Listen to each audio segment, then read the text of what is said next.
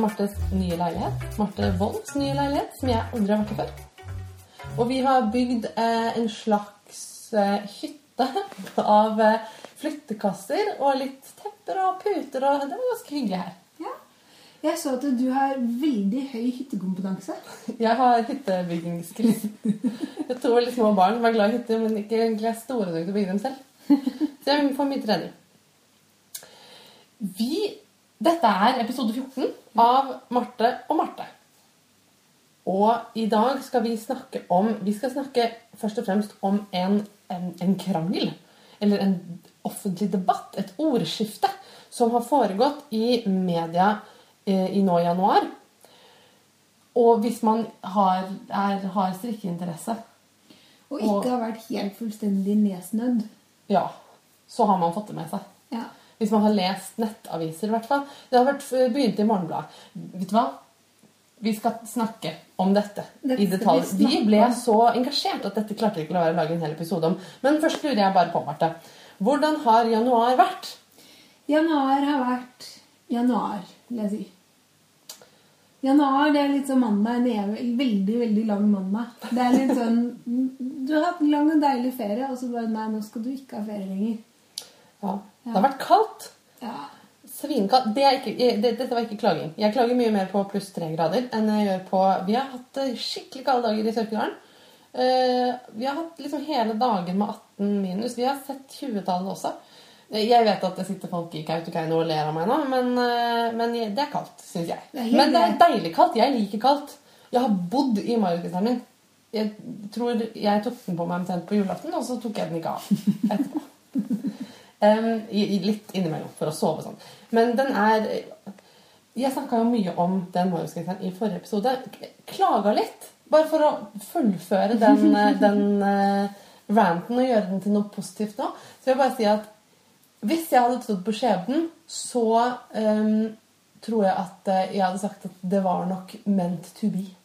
At den ikke skulle passe til Ryan. Fordi jeg og denne Marius-genseren, vi er meant to be together. Forever and ever. Eh, jeg elsker den. Og nå kjenner jeg at det gjør meg ingenting at jeg må strikke en til.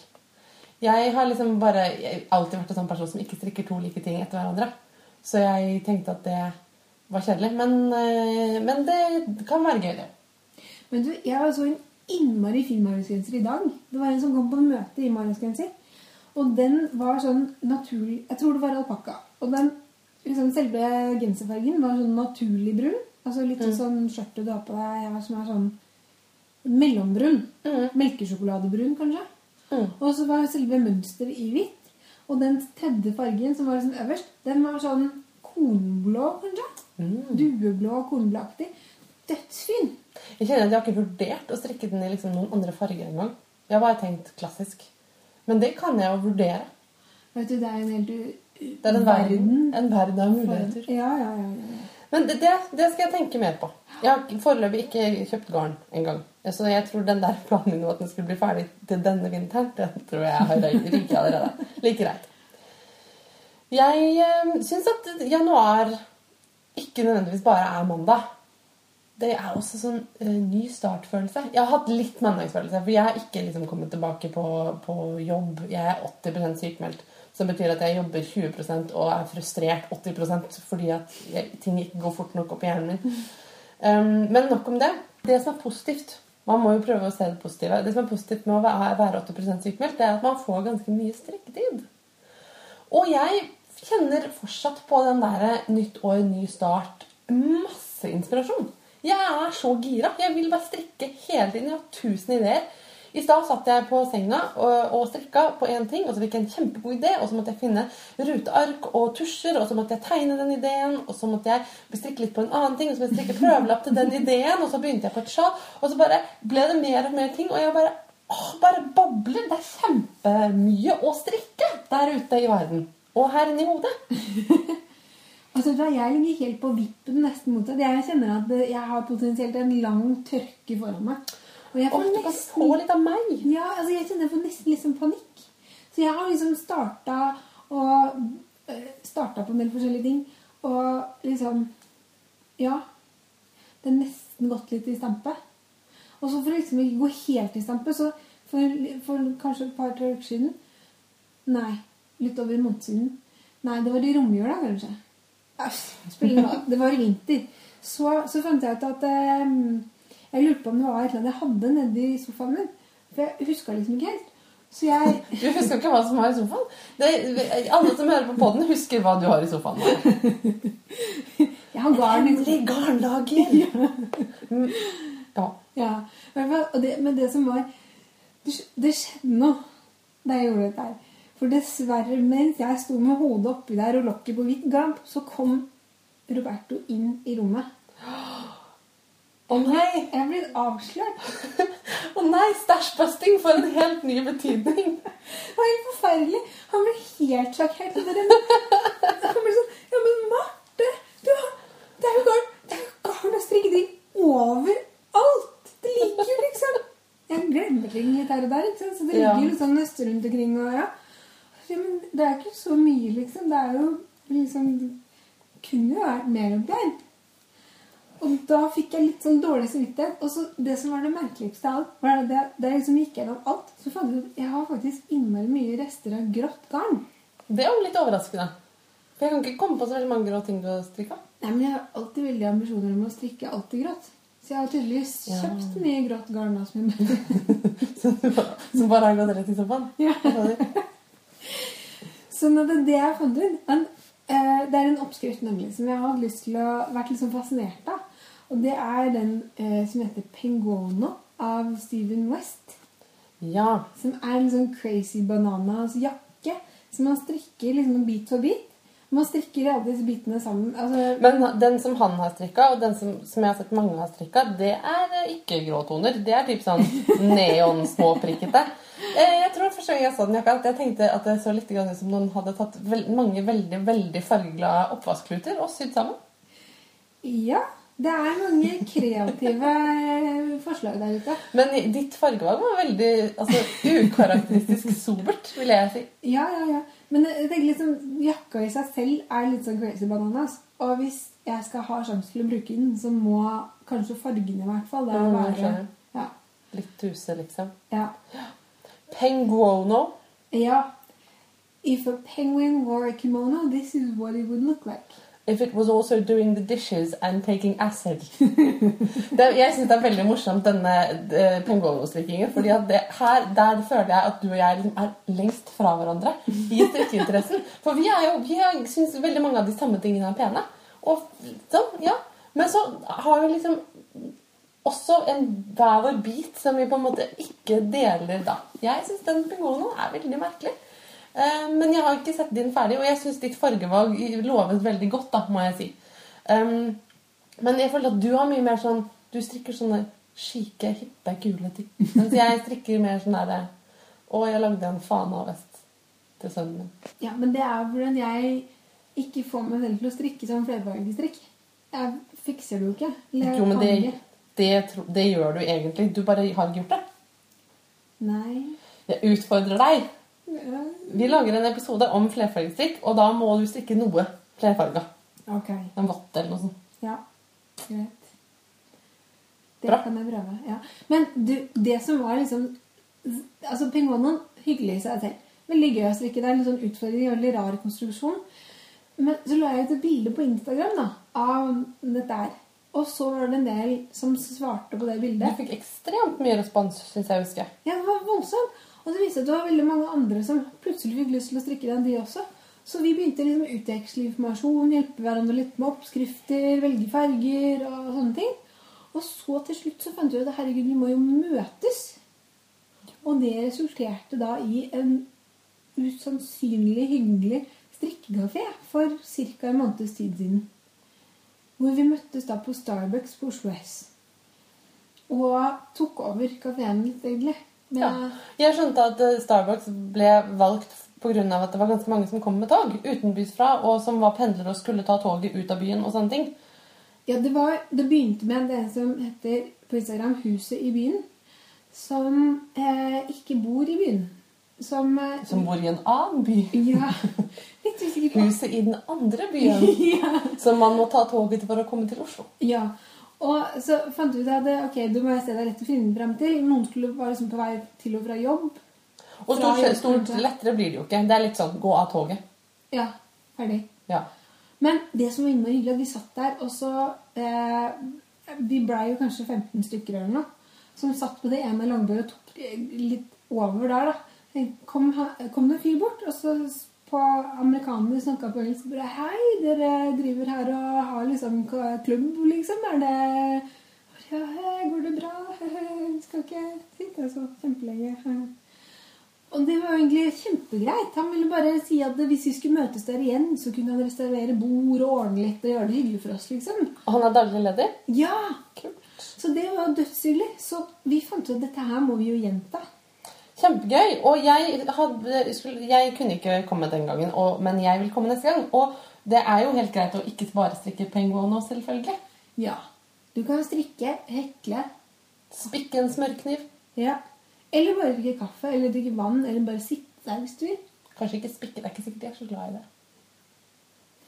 Hvis du har med deg din egen sånn Du, husker du for typ 20 år siden Torbjørn Berntsen gikk oppover Karl Johan bak en politihest og plukka av bæsjen til hesten oppi en papirpose. og på papirposen så var det skrevet med bokstaver 'drittsekk'. Nei, det husker jeg overhodet ikke. Det tror jeg aldri jeg har eh, hørt før. Oi, oi, oi. Hus Nå husker jeg ikke helt sammenhengen, liksom. Men En veldig løs kobling, følte jeg. Men uh, du hadde tenkt å foreslå at man skulle ha med seg en sånn spikkesekk. drittsekk. En dre... ja. Som man kan spikke ned i, liksom. Men det var faktisk en sak på eh, NRK for en stund siden om en fyr som hadde begynt å spikke på møter. I Ja. protest mot damer som strikka på møter. Ja, men det var helt barnslig. Ja, kjempe. Veldig, veldig barnslig. Ja. Samtidig som jeg blir litt sånn Ja, ja, men hvis noen vil spikke på møtet, så er det greit for meg, liksom. Ja, ja, det. Men eh, i hvert fall, vi blir enige om da første torsdag i måneden. Hver første torsdag i måneden. Det er ikke sikkert det blir det, for da har Strikk og Lytt på Deichmanske også Ja. Det er dumt å konkurrere med andre strikkeevent, kanskje. Ja. Så vi får se hvilken dag det blir. Men, Men torsdag blir det. Torsdager blir det. siste eller første eller noe i måneden. Det må være noe som er lett å huske, så tenker det jeg har kapasitet til, det er siste eller første. Ja. Så vi får se. Vi skal snakke om det neste gang, og så skal vi annonsere. Tredje hver torsdag etter nymåne. Ja, sant. Det er, tredje hver torsdag. Det falt jeg om en gang. Ja. Um, men det er jo kjempehyggelig. I flere strikkeforum vil vi ha. Ja. Eh, Så det vil si at det førstkommende møte når vi sitter her og spiller inn, det er 4. februar, som er neste uke for oss nå. Ja. Antakeligvis er det rett rundt hjørnet når denne podden slippes. ja. Jeg skal si fra. Alle kanaler. Ja. Ja. Men du har eh, samstrikket eh, Penguono på, eh, på Starbucks. Jeg har hivd meg på eh, Pinneguris restefest.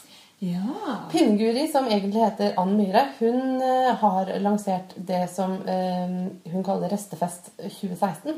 Og det har en hashtag på Instagram. Restefest 2016. Veldig gøy. Det går jo da selvfølgelig ut på at man skal strikke opp Oi! Marte! Hæ? Nå skal jeg, jeg har fått beskjed av mamma om å ikke si 'herregud', men nå må, nå må jeg faktisk si 'herregud'. Ja. Sorry, altså, men nå, nå kommer jeg på en annen ting. Nå er hjernen på, liksom. Strikke på. Hva? Eh, Amyris eh, restefest. Jeg så på Instagram en helt fantastisk bilde som jeg klikka meg inn på. Og det er da Fader, nå husker jeg ikke hva hun heter, hun eh, strikkedama. Det er også en sånn eh, en av de kjente strikkeoppskriftsdamene. Du leter i dette øyeblikk, ser jeg. Ja. Hun hadde begynt å strikke på et teppe som er helt, helt, helt sinnssykt fint.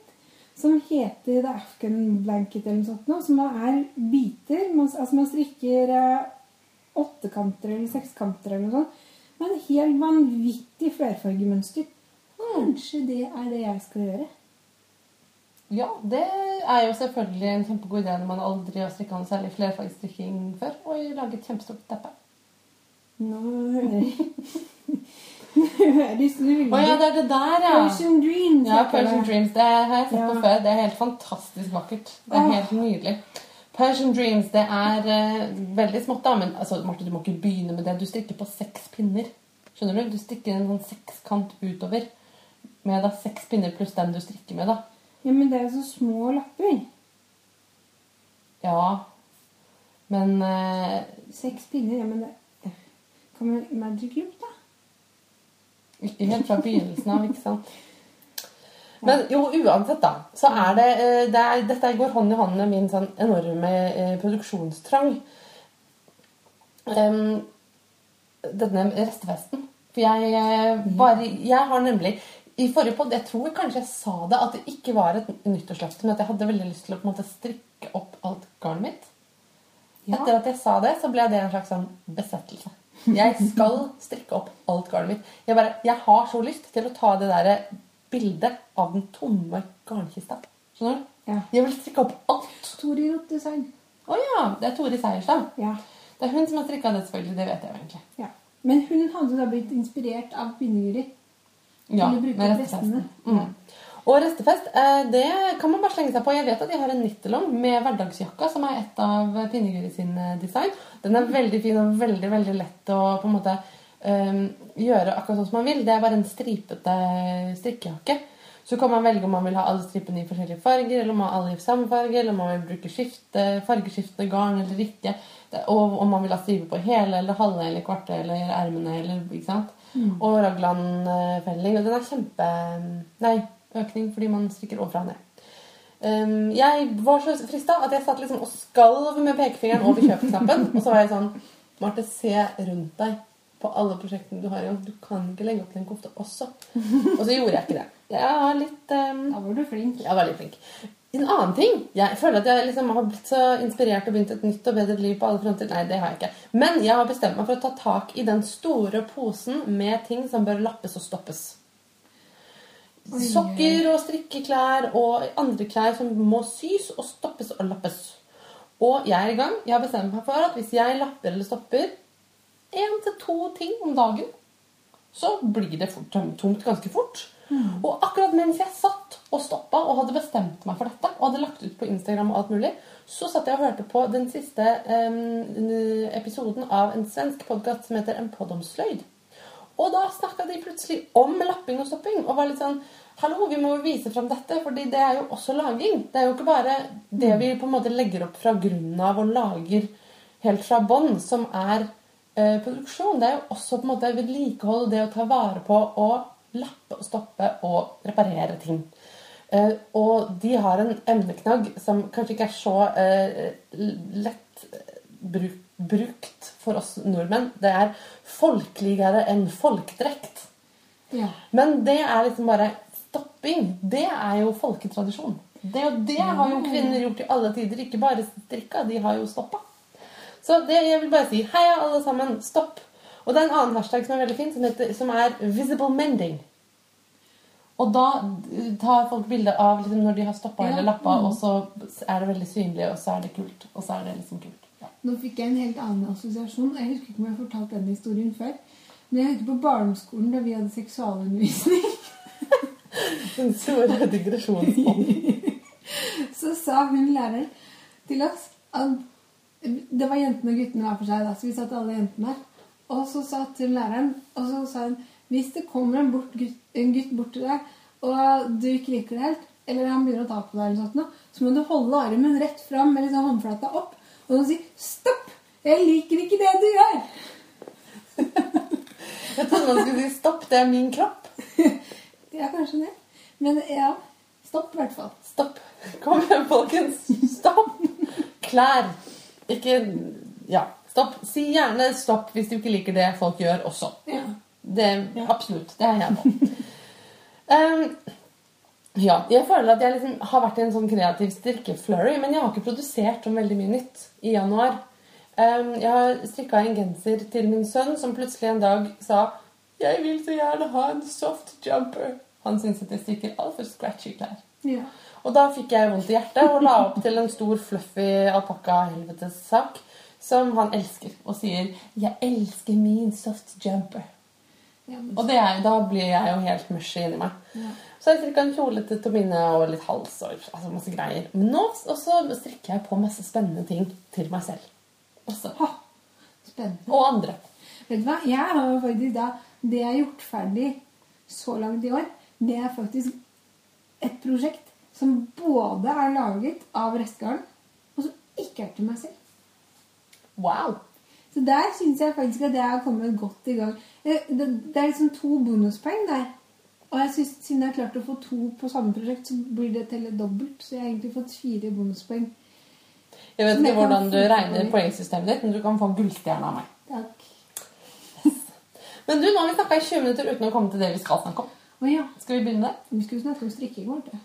Det gjør vi. Og litt om seksualundervisning og, og Torbjørn Berntsen. Fint.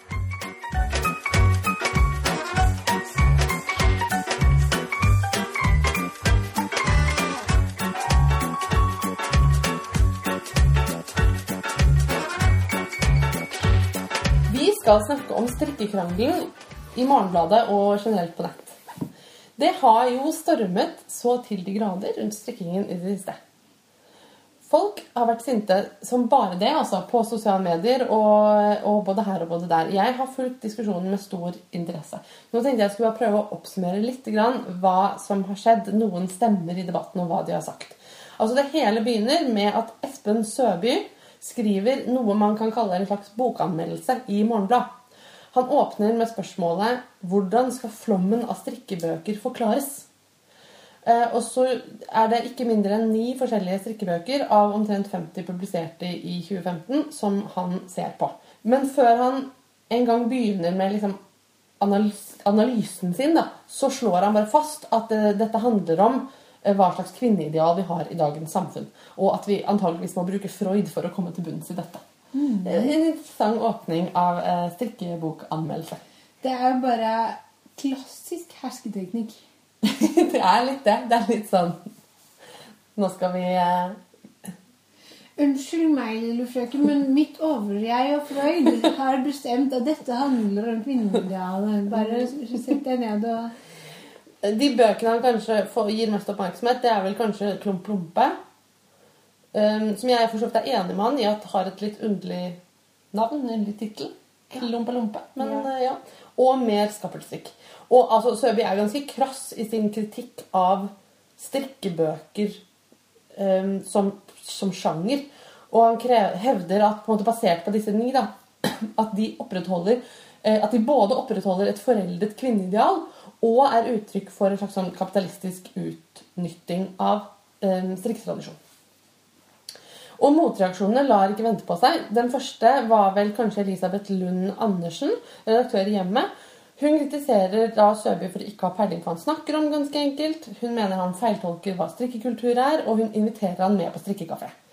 Og de har også gjort en podkast. Altså, I Morgenbladet har gjort en podkastepisode som er en samtale mellom Søby og Lund Andersen, som man kan sjekke ut på nett. Den Det er jo faktisk da på strikkekafé. Ja. Flere slutter seg til eh, debatten. Jenny Keller, en av forfatterne eh, av boka 'Strikk i strid', som vi har snakka om her på podden før, hun har skrevet et veldig godt innlegg i Morgenbladet. Um, Hun skriver om tradisjon, at måte, tradisjon alltid er i endring, og at ved å gjøre tradisjon til sin egen og videreutvikle den, så kan man gjøre strikking til noe som er framtidsretta og radikalt og nyskapende og feministisk, for all del. Um, det som jeg syns at måte, alle har litt lett for å miste av syne, er at Søby faktisk ikke snakker om strikking som sådan. Han snakker bare om på en måte strikkekultur og kvinner og hvordan dette framstår i de ni bøkene. Man må bare prøve å huske på det.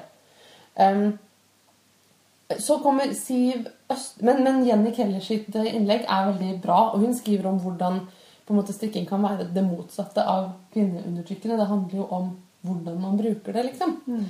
Eh, En annen strikking er mulig, sier hun. Siv Østrem Persen, også i Morgenbladet, er uenig i hvordan Søby tolker kvinneidealet i bøkene han har analysert. Hun mener at strikkebøkene fremmer et kvinneideal der alt er mulig, der kvinner gjør hva de vil. Og hun hevder at Søby ikke ser det kreative og nyskapende som strikkebøkene representerer, bare det tradisjonsbevarende og tilbakeskuende. Og så kommer Gunhild Dahlberg fra Kunsthøgskolen Oslo, som har skrevet en veldig interessant og ganske morsom kommentar i Dagbladet, hvor hun kritiserer Søby for å være et klassisk eksempel på hvordan tradisjonelle kvinnesysler blir nedvurdert av samfunnet generelt, og menn spesielt. Som jo er noe av det du pekte på. Um, altså, hvor man bare på en måte betrakter kvinnehåndverk som noe som har med pynting og hjemmestelling å gjøre. Og hun påpeker det åpenbart merkelige ved at en person som ikke vet noe som helst om strikking, gjør en sånn anmeldelse uten engang å forsøke å skaffe seg noe som helst innsidekunnskap om strikking og hva det er og innebærer. Og som vi også poengterer, det er jo eh, Som kvinner så ville vi ikke uttalt oss om noe vi ikke vet noe om. Men det stopper ikke nødvendigvis alltid menn. Og i dette tilfellet absolutt ikke Søby. Nå generaliserer vi jo selvfølgelig, men det er ja, kanskje en tendens ja, til det. Eh, Og nå går vi på en måte litt over fra min oppsummering av krangelen til litt min analyse. Fordi jeg syns at Dahlberg, Gunnhild Dahlberg toucher noe veldig viktig. Søby driter seg ut flere steder i anmeldelsen sin rett og slett fordi han ikke vet hva han snakker om. Blant annet så prøver han å påpeke eh, Han prøver, sier at det er noe selvmotsigende i strikkebøker som både hevder at strikking er tradisjon som overleveres fra mor til datter, og som kommer med en masse oppskrifter. Fordi hvis man lærer å strikke av mor og bestemor, så trenger man vel ikke oppskrifter? Eh, jo. Sorry. Det kan man godt gjøre. Strikkeoppskrifter er jo en måte å skrive ned strikking på. Sånn som man skriver ned musikk med noter. Og det er vel ganske eh, underlig hvis man påstår da at hvis man kan spille et instrument, da trenger man ikke noter. Sånn hadde det jo vært hvis det bare fantes én melodi. Og hvis det bare fantes én gensermodell. Sånn er det ikke i virkeligheten. Man må på en måte, altså Strikkeoppskrifter er jo noe man må kunne strikke for å kunne bruke. ikke sant? Litt sånn som man må kunne spille instrumentet for å kunne bruke noter. Så det er jo ikke sånn at måte, hvis man har lært det, da trenger man ikke oppskriftene. Når det er sagt, så altså, Nå har jeg, på en måte sagt at jeg syns han er teit, men når jeg har sagt det, så vil jeg også si at jeg syns han kommer med ganske mye interessant kritikk. Som vi ikke på en måte bare kan avveie fordi han ikke kan noe om strikking. For det er jo mulig å en måte, gjøre en, ja, en slags samfunnsvitenskapelig analyse av strikkebøker som konsept uten å kunne strikke. Jeg eh, vil sitere eh, Søby tekst en liten gang. Han hevder at bøkene formidler citat, det mange oppfatter som tradisjonelle feminine verdier. Pyntelyst, ønske om å kle barna godt og fint, gleden over huslige sysler. I det hele tatt tradisjonelle verdier som det har vært lett å tro at var borte for godt. Sitat slutt. Han kritiserer da flesteparten av bøkene han har sett på, for å dyrke dette utdaterte kvinneidealet uten å problematisere eller vise noen alternativer. Og altså, Kanskje jeg er eh, en brannfakkel nå, men det kan jeg langt på vei gi en rett i. Og det er jo ikke bare i strikket bøker vi finner den tendensen. Altså, en samfunnstrend i dag er jo tilbakeskuende nostalgi, litt sånn gjør det selv-kultur, slow-bevegelsen. Noe som jeg eh, på en måte er veldig mye en del av og syns er noe positivt. Altså, jeg er veldig glad i å sylte og safte, brygge, strikke, lappe, bevare gammelt håndverk, gamle tradisjoner. Men jeg er ikke så glad i utdaterte kjønnsrollemønster. Og, men jeg mener at vi kanskje har en jobb å gjøre for å sørge for at ikke de tingene går hånd i hånd. da. Men det har jeg tenkt på også. Fordi da vi tok X-Fil, Ja. så lærte vi f.eks. at samfunnet utvikler seg ikke nødvendigvis Altså forandrer seg ikke i sirkler, men i spiraler. Eller ikke lineært, men i spiral. Altså at man akkumulerer kunnskap og forståelse om verden og utvider vår felles forståelseshorisont. Så neste gang på en måte noe er- kommer tilbake, så er det likevel på et annet nivå. Ja, Så det jeg tenkte er Ja vel, kanskje det er noen av oss nå som syns det er veldig ålreit å pusle hjemme. Drive med hjemmesysler. Men det betyr ikke nødvendigvis det at man undergraver kvinnens rolle i samfunnet. Ikke nødvendigvis. Nei, men som for eksempel, altså, Jeg blir sur når de selger en blå piratmatboks og en rosa prinsessematboks på butikken. Ja. Og ensidig framstilling av hvordan kvinner er i strikkebøker, kan på en måte være en annen og litt mindre lett å spotte variant av akkurat det. Og jeg tenker at Det kan hende at både forfatter og, strikke, eh, og strikkebok, altså forlag bør ta noe av den kritikken til seg. Men samtidig som Søby på en måte kritiserer ting som jeg kan være tilbøyelig å være enig i, så oppfører han seg jo helt hårreisende selv. Det er jo noe av det som er problemet. Altså, Unnskyld meg, men hvem faen er han til å hevde at Dorte Skappel lurer jenter til å kle seg i gensere som ligner på telt, istedenfor badedrakter som hun selv gikk i da hun var glamourmodell? Altså, hva er det for noe, liksom? Jeg bare lurer Dorte Skappel oss mer enn andre strikkebokforfattere fordi at hun har vist litt mer hud enn dem før. Det syns jeg er så ekstremt problematisk og kvinnefiendtlig. Altså, det er jo den, den hersketeknikken, den måten å omtale kvinner på og betrakte kvinnehåndverk på, det er, mm, altså, det er mye mer problematisk enn en litt ensidig fremstilling av kvinner, som jeg også mener kan være kritikkverdig. Men, men allikevel er det på en helt annen skala. Altså, Ifølge Søbis er det sånn at ikke får man pynte noe, særlig ikke seg selv. Men man får jammen ikke ha på seg en stor genser heller, for da er man lurt. altså, ja. Jeg blir litt sånn hæ? Og så Videre så spør han om på en måte, hvor systemkritisk er det å kjøpe garn og strikkebutikker fra en nettbutikk istedenfor å svinge innom Hennes Maurits. Dette var også ordrett, eh, et ordrett sitat. Strikkeoppskrifter, kanskje? Ikke strikkebutikker? Strikkeoppskrifter Altså, hvor systemkritisk er det å kjøpe garn og strikkeoppskrifter fra en nettbutikk i stedet for å svinge innom Hennes og Maurits? Kan jeg få skyte inn veldig kjapt der? Mm. Man er ikke nødvendigvis systemkritisk på daglig basis. Nei, det er man ikke, og det kan man på en måte ikke kreve av folk heller. Men at altså, Og ikke alle strikkebøker har jo som syfte å være systemkritiske, og det må jo måtte være greit. Men Altså, greia med at um, Altså dette med egenproduksjon av klær å, med det, det, som hensikt, da, hvis man skal være litt systemkritisk, um, og ikke ville ta del i multinasjonale um, produsenter som utnytter barnearbeidere og i utviklingsland og forurenser miljøet og sånn. Altså, dette er jo ting som måte, jeg er opptatt av, og som ligger mitt hjerte nært. Og det er noe jeg ikke syns at strikkebøker problematiserer i noen særlig grad. Og sånn som f.eks. i øh, kokebøker og sånn, så syns jeg at jeg mer og mer ser at forfattere er veldig tydelige i fokuset sitt på at liksom Jeg er opptatt av hvor maten kommer fra, og la, la, la. Og økologisk egg. La, la, la. Og det syns jeg kanskje egentlig at hadde vært gøy hvis det hadde vært flere strikkebøker som var sånn. Men ikke bare strikkebøker. Altså, Mangel på systemkritikk er jo ikke et strikkebokproblem. Altså, kapitalisme er jo ikke et strikkebokproblem, det er jo et samfunnsproblem. Altså, bøkene som Jo, det er det. Bøkene som selges i stort antall, de reflekterer jo på mange måter samfunnet som vi lever i. Men altså, jeg mener jeg, jeg vil gjerne etterlyse strikkebøker med en politisk grunntanke. Eh, som har et tydelig feministisk ståsted, som har en klar miljøprofil. Altså, Jeg gleder meg til alle disse bøkene. Det jeg hører her, det er jo egentlig at vi har en bønn til forlagene om å være så snill å gi ut en litt videre variasjon eller litt større variasjon i type strikkebøker. Mm. Jeg er veldig glad i strikking og har vært det veldig lenge, men jeg har ikke kjøpt veldig mange strikkebøker, fordi at det er ikke så veldig mange strikkebøker jeg syns er interessante. Jeg har heller gått på internett for å finne de strikkebøkene som jeg er interessert i. Og jeg tror at norske forlag kanskje har undervurdert norske strikkere i en ganske god stund, eller fram til nå. Fordi at det, er mye sånne søte, pene bøker. Og jeg må si, jeg er altså i og for seg litt Kanskje jeg må lage den sjøl? Ja. En systemkritisk strikkebok. Der har vi god tid. Kanskje, kanskje jeg kan få hvert fall være litt systemkritisk nederst i et hjørne. Men altså, det er noe som vi har snakket om mye her i podkasten før. At vi, eh, vi, ønsker at folk skal ha en litt mer bevisst forhold til garn og hvor det kommer fra. Mm. Og at man kan faktisk lage en del ting selv. Istedenfor å gå på en som helst og kjøpe det. Og, ja, for den kritikken er jo litt sånn der Nei, det er vel, det er ikke noe hyggelig hvis eh, garnet du strikker med, er spunnet i Kina av underbetalte arbeidere. Det er eh, lite like hyggelig som at genseren din er sydd av barnearbeidere i Indonesia. Mm. Um, og det er klart at det, dette er jo et problem på mange forskjellige steder i samfunnet, ikke bare i strikkeverden. Mm.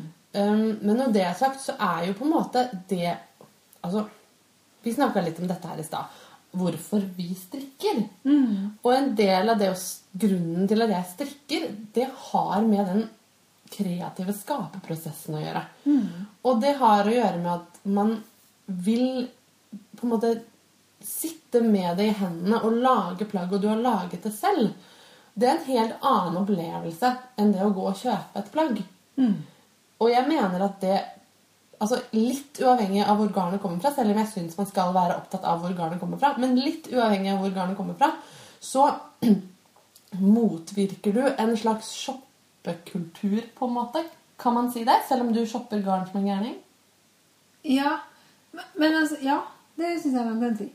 Det jeg, som han nevner Jeg husker ikke om det er i eh, artikkelen sin eller om det er i podkasten. Men Han sier at det, det er paradoksalt at disse småbarnsmødrene i tidsklemma kan bruke så mange timer på denne hobbyen her. Som altså Og så mange er- penger, tror jeg han sier. Peng- Ja, både tid og penger på denne, dette kvinnesysselet. Å, det er jo så hårreisende at han, kommer, at han skal liksom legge seg opp i hva småbarnsmødrene gjør med tiden sin. Men det stopper der, og det er det som fascinerer meg litt. For det han virkelig burde være opptatt av, er det spørsmålet som ligger under. Hvorfor Ja. bruker kvinner som er i en tidsklemme, titalls timer på å strikke klær til barna sine? Eh, altså Hvis man begynner med det med pengene, da, Ja. så er det jo litt sånn Ok, si at du bruker ganske mye penger på garn. Hva, jeg lurer på hva Søby bruker de pengene til. Tror du han liksom gir de til et brønnbyggeprosjekt i Bolivia? Det tror ikke jeg. Vi lever i et samfunn hvor folk har altfor mye penger og trenger noe å bruke dem på. Og det er, det er teit, syns jeg, fordi jeg er antikapitalist. Jeg syns at alle burde ha en liten mengde penger og akkurat det samme til alle. Eh, Men sånn er det nå, at det samfunnet som vi lever i altså Uansett om vi kan synes at vi har lite penger og at det blir tomt på kontoen, så er det ikke til å komme forbi at her i Norge så har folk mye penger. Og vi bruker penger på hobbyene våre. Hvorfor er det, hvorfor er det liksom mer feil at kvinner kjøper masse garn enn å for bruke veldig veldig masse penger på fotballinteressen din, eller Åh, men herligheten, tenk så mye penger folk med sportsinteresse bruker Mhm. på sportsutstyr. Det er jo ingenting som er dyre. Tenk hvis skal Du kan jo begynne å kalkulere på liksom Birken-gutta Ja. og strikkedamene. Hvem som liksom bruker mest penger på hobbyen sin. Jeg bruker faktisk Altså, jeg har prøvd å regne litt på det, og jeg bruker kanskje litt penger hver måned på garn. Eller annen måned. Men jeg tror kanskje det er typ 300 kroner av gangen. Mm. Jeg tror Hvis man ganger det opp på 300 kroner på seks måneder, det er 1200 kroner. Det er, Jeg bruker mer enn det. Helt klart. Helt Men- klart. Men allikevel, det er ikke en enorm hårreisende mengde penger. Oh, men uansett, da, om du hadde brukt en enorm hårreisende mengde penger på garn Det er jo på en måte Hvorfor er det mer problematisk enn å bruke en enorm hårreisende sum på liksom sykkel? Nei. Dette med tidsaspektet, da, Tiden. det syns jeg også er utrolig interessant. Fordi vi ønsker noe annet ut av livene våre enn å bruke kanskje maksimalt en halvtime på Hennes og Mauritz til å kjøpe billige klær. Ja, fordi det, å strikke en genser til ungen din tar ganske mye lengre tid for de aller fleste. Det spørs kanskje litt hvor i landet man bor, men enn å dra på butikken og kjøpe Nei, uansett hvor du bor, så bruker du mindre tid på å dra til butikken og kjøpe en genser enn å strikke en genser. Det er jo ikke derfor vi gjør det. Vi gjør det jo ikke for å liksom spare tid. Nei. Og jeg syns egentlig at det sier veldig mange vakre, fine ting om oss folk, da. Ja. Altså, vi vil ikke gå i den upersonlige butikken. Vi vil sitte på strikkekafé og strikke en genser. Og strikking er jo noe sosialt og skapende. Altså, Vi vil sitte sammen og lage noe. Det, jeg føler at det er en sånn urmenneskelig ting. Jeg, altså, jeg tenker sånn, Strikkekafé det er bare en annen versjon av noe som mennesker har gjort siden vi liksom satt rundt bålet foran en hule med bein gjennom håret. Som man jo helt garantert hadde i, i steinalderen.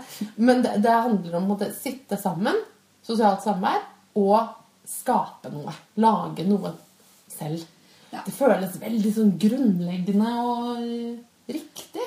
Og Det at man vil tilbake til noe sånt, det at småbarnsmødre finner den tiden i livene sine til å strekke. Kan det være noe annet enn bra? Altså Fuck tidsklemma. Liksom. Jeg tror også det handler altså det, Der har du virkelig systemkritikk. For det jeg tror også det handler om det at man ønsker at ting skal endelig stå litt i ro. At man ikke skal være kobla på internett og ha hele verden foran deg hele tiden. Og du kan gjøre noe som ikke er sånn Jeg vet ikke hva jeg skal si på norsk. Instant gratification. Du drar ikke på McDonald's på drive-in og får maten din i løpet av to sekunder. Du må faktisk vente til det blir ferdig. Og det henger litt sammen med, som du sa også, man vil lage mat langsomt. Nå skal man lage pulled pork, som tar en halv evighet å lage. Og du skal brygge ølet ditt selv. Ja. Det er, altså, Veve klærne ja, Det er kanskje ikke så mange som driver med det, men Men det hadde vært gøy. ja. Jeg mener, det er veldig mange Jo, men du som skal ha kjøkkenhage, ikke sant? Du skal Ja. vente til gulrøttene har grodd istedenfor bare å gå på Rema og kjøpe dem, liksom. ja. Um, Jeg tror folk har behov for noe som ikke er ikke går så himla fort. Ja. Og en annen ting når man da, eh, Det er kanskje litt på siden av det, men det jeg også syns var utrolig provoserende, det var det at han, han kaller det en sånn feminisering av verden. Som om Mm. det er et skjellsord. Og så tenker jeg poenget med likestilling, det er Å ja, han mente at bøkene er liksom fremstår som sånn strikk Altså aktiviteten å lage og pusle med Hvor, sin Men det sa, sa han det i podkasten? Ja. Ja. I At- Ja. Ja, for i podkasten så, så diskuterer de jo mer på en måte strikking som fenomen enn disse bøkene. Ja. Ja, det, kan, ja, det er sant. Ja, men derfor så er det jo interessant. Ja, og jeg tenker altså, Likestilling det må jo være at folk skal få være akkurat sånn som de ønsker å være. Om du ønsker å være überfeminin, eller om du ønsker å egentlig være mann istedenfor å være kvinne, så må begge deler være greit uten at vi skal bli diskriminert for det. Uten at jeg skal få lavere lønn fordi at jeg velger å være sånn. og sånn. Altså, Og feminisering, tenker jeg Altså, det, det som man eh, ofte oppdager som som, klassiske sånn feminine verdier altså, Jeg syns ikke det er noe vi har for lite av i samfunnet. Sånn, Nei, Og som vi akkurat har snakka om, det der med å ønske seg eh, ting som, som faktisk ikke går så innmari fort, og som ikke er så mekanisert, da. ja. Ja. Jeg tenker at det, jeg har liksom endt opp med å konkludere at vi alle strikker av forskjellige grunner. Så har jeg en liten historie jeg å fortelle som illustrerer hva jeg syns er verdifullt med strikkingen. ja. I forgårs så kom en kollega inn på kontoret mitt. Og hun ville takke oss eh, for podkasten. Eh, som en beskjed som ble overbrakt på vegne av hennes nese. Som hun begynte å høre på oss mens hun var på vei til universitetet. Og så fant hun at det bråker for mye i bussen, så hun hadde begynt å gå til universitetet hver dag. Og det bråkte for mye til å høre podkasten. Ja, Og så hadde også kollegaen min da, Så fint. Det blir skikkelig rart. Ja. Kollegaen min hadde også vært på sykehuset, og um, hun hadde da blitt så opptatt av å høre på oss i alle episodene. Hun ble liksom så absorbert, for hun, hun strikker veldig mye og er superflink til å strikke. Og hadde liksom hatt masse tid til å strikke hele dagen lang. Og blitt så opptatt av det der. Hun hadde glemt at hun hadde vondt. Så hun hadde ikke tatt smertestillende. Og så sa hun Tenk deg! Dere, Hennes konklusjon var at vi har fått folk til å ta mindre smertestillende og generelt bedre folkehelsa. Ja! Marte Marte forbedrer folkehelsa! Å, for en nydelig historie. Ja, Åh, jeg, blir, det, jeg, det var, jeg ble varm i hjertet. ja. Det gleder så veldig å høre. Altså, og hver gang jeg hører om noen som liksom har hørt masse på oss, og som får noe ut av det, da, så blir jeg veldig glad. ja for det, det er liksom, dette her er bare utelukkende pga. min interesse for det, at du syns det er gøy, og at folk er så interessert i temaet at de gidder å høre på oss. Og så får det sånne fantastiske ringvirkninger. Det syns jeg er bra. Ja, Jeg, elsker det der med folkehelsa. Vi får folk til å ta mindre smertestillende og gå til jobben, liksom. Ja. Ja, jeg vil oppfordre alle kjære lyttere til å eh, høre på Marte og Marte før du tar den Paraceten. Kanskje du ikke trenger den. Nei, altså, uansett hva slags politiske motiver man legger i det, så har jeg funnet ut at jeg strikker fordi at det får meg til å føle meg bedre. Og de har ingenting med sånne lave begreper som kvinnesysler å gjøre. Jeg tegner, jeg leser bøker, jeg trener, jeg baker kaker. Av akkurat den samme grunnene. Og for meg så er de tingene fullstendig likestilte. Det er sånn, Nå har jeg behov for å bake litt kake, for det, da, jeg, det da føler jeg meg bra. Og så får man det- kake. Ja. Det er en hovedmotivasjon, egentlig. Ja. Og så ikke, Har du noe mer? Jeg, jeg har altså funnet en sånn fin artikkel eh, som ble skrevet av Cappelen Lam strikkeredaktør. Den har ikke jeg eh, fått med meg. Nei. Um, de hadde jo flere av sine bøker på lista til Sami. Så Ja, man, altså, Jeg vil jo anbefale alle å gå inn og på en måte lese alt dette selv. Vi linker selvfølgelig til alle tingene vi har nevnt Ja. i, um, på nettsiden. Mm. Mhm. For det er altså Kaja Marie Lereng Kvernbakken som har skrevet dette her. Og det er nesten som et lite dikt. Jeg lurer jeg kunne få Jeg kan lese lukke, lukke øynene og lytte. Ja. Diktet heter En strikker. En strikker er kvinne. En strikker er mann. En strikker er professor. En strikker har lært av mamma. En strikker har lært på nettet. En strikker vil ha det akkurat som i boka. En strikker vil finne på helt selv. En strikker vil ha det billigste garnet. En strikker vil ha kortreist, økologisk fairtrade og bærekraftig. En strikker strikker på skolen. En strikker strikker på toget. En strikker strikker på nattevakt. En strikker strikker foran TV-en om kvelden etter at ungene har lagt seg. En strikker hører på lydbok. En strikker strikker det samme om og om igjen. En strikker må alltid strikke noe nytt. En strikker strikker for å se ut som alle de andre. En strikker strikker for å være helt unik. En strikker strikker kunst for å henge opp i trærne, telefonboksene, museene. En strikker vil lære håndverk og tradisjonene. En strikker vil bare ha noe å gjøre. En strikker har det største garnlageret. En strikker strikker ferdig én ting om gangen. En strikker har et lager med ufoer. En strikker skryter på Instagram. En strikker mener kvinner skal stelle hjemme. En strikker mener menn og kvinner er like mye verdt. En strikker strikker for å mene. En strikker mener ingenting. En strikker kjenner seg ikke igjen i noe av dette. Veldig fint. Ja. Så tenker jeg der syns jeg at jeg er ferdig med noe egentlig. Ja, egentlig så trenger man ikke si så veldig mye mer enn det. Om strikking, liksom. Ja. Man kan si innmari mye om strikking. Faktisk. Det, det har vi jo Det har, januar har eh, bevist akkurat det. Det har vært sagt mye om strikking.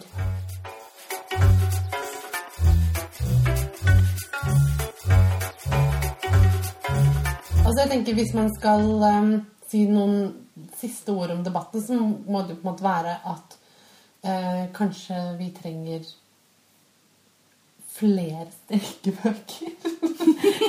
Men flere forskjellige strikkebøker. Vi, må, vi vil jo definitivt ikke at allting skal være helt likt. Nei. Det, det, altså, Hva het hun? Si navnet hennes en gang til. Kaja Marie Leren Kvernbakken. Ja, Jeg vil gjerne takke henne for et, et fint dikt. For det syns jeg var kjempefint. Og eh, altså jeg mener Det vi trenger, er jo en strikkebok for hver av disse strikkene. Og enda Ja. noen flere bøker for de som ikke identifiserte seg med noen av eh, strikkerne. Jeg syns vi må kaste den ballen rett tilbake til Cappelen Dam og utfordre dem. Nå må dere lage en strikkebok for kvinner, en for menn, en for professor, en for de som har lært av mammaen sin, Og de så som har på nettet, osv. Tenk så fantastisk. Vet du hva?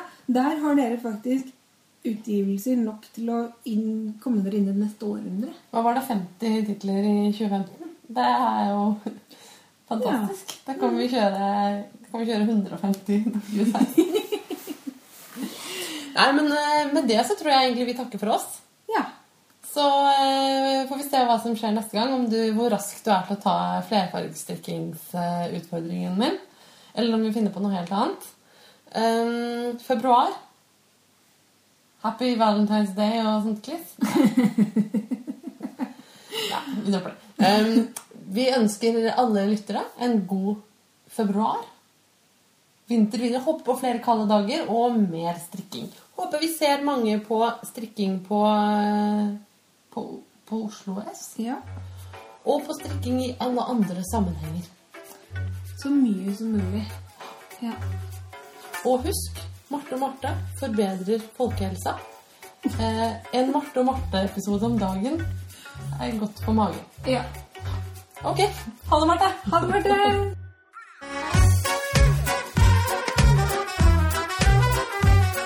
Hei, Marte. Marte? Nei, det stemmer. Det er bare én Marte her. Marte og jeg ble nemlig så revet med av samtalen om strikkekrangel og kvinnesyn at vi helt glemte å fortelle hvem vi har trukket som vinnere i Ull på tappen-konkurransen vår. Så det skal jeg gjøre nå. Konkurransen gikk altså ut på å poste et bilde av en favorittlue.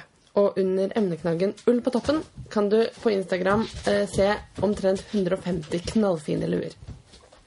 Men bare tre bilder vinner hver sin hespe med ullgarn fra Lofoten Wool, spunnet av ulla til lykkelige nordnorske sauer.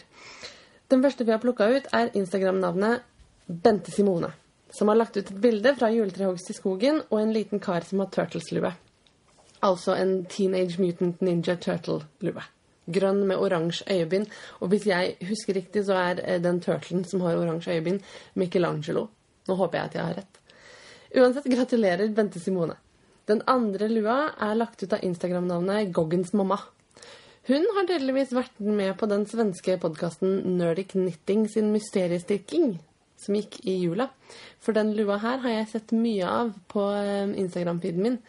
Det er en eh, mønsterstrikka lue i flere farger, og Goggens mammas lue har masse farger og er kjempefin. Grattis med garn!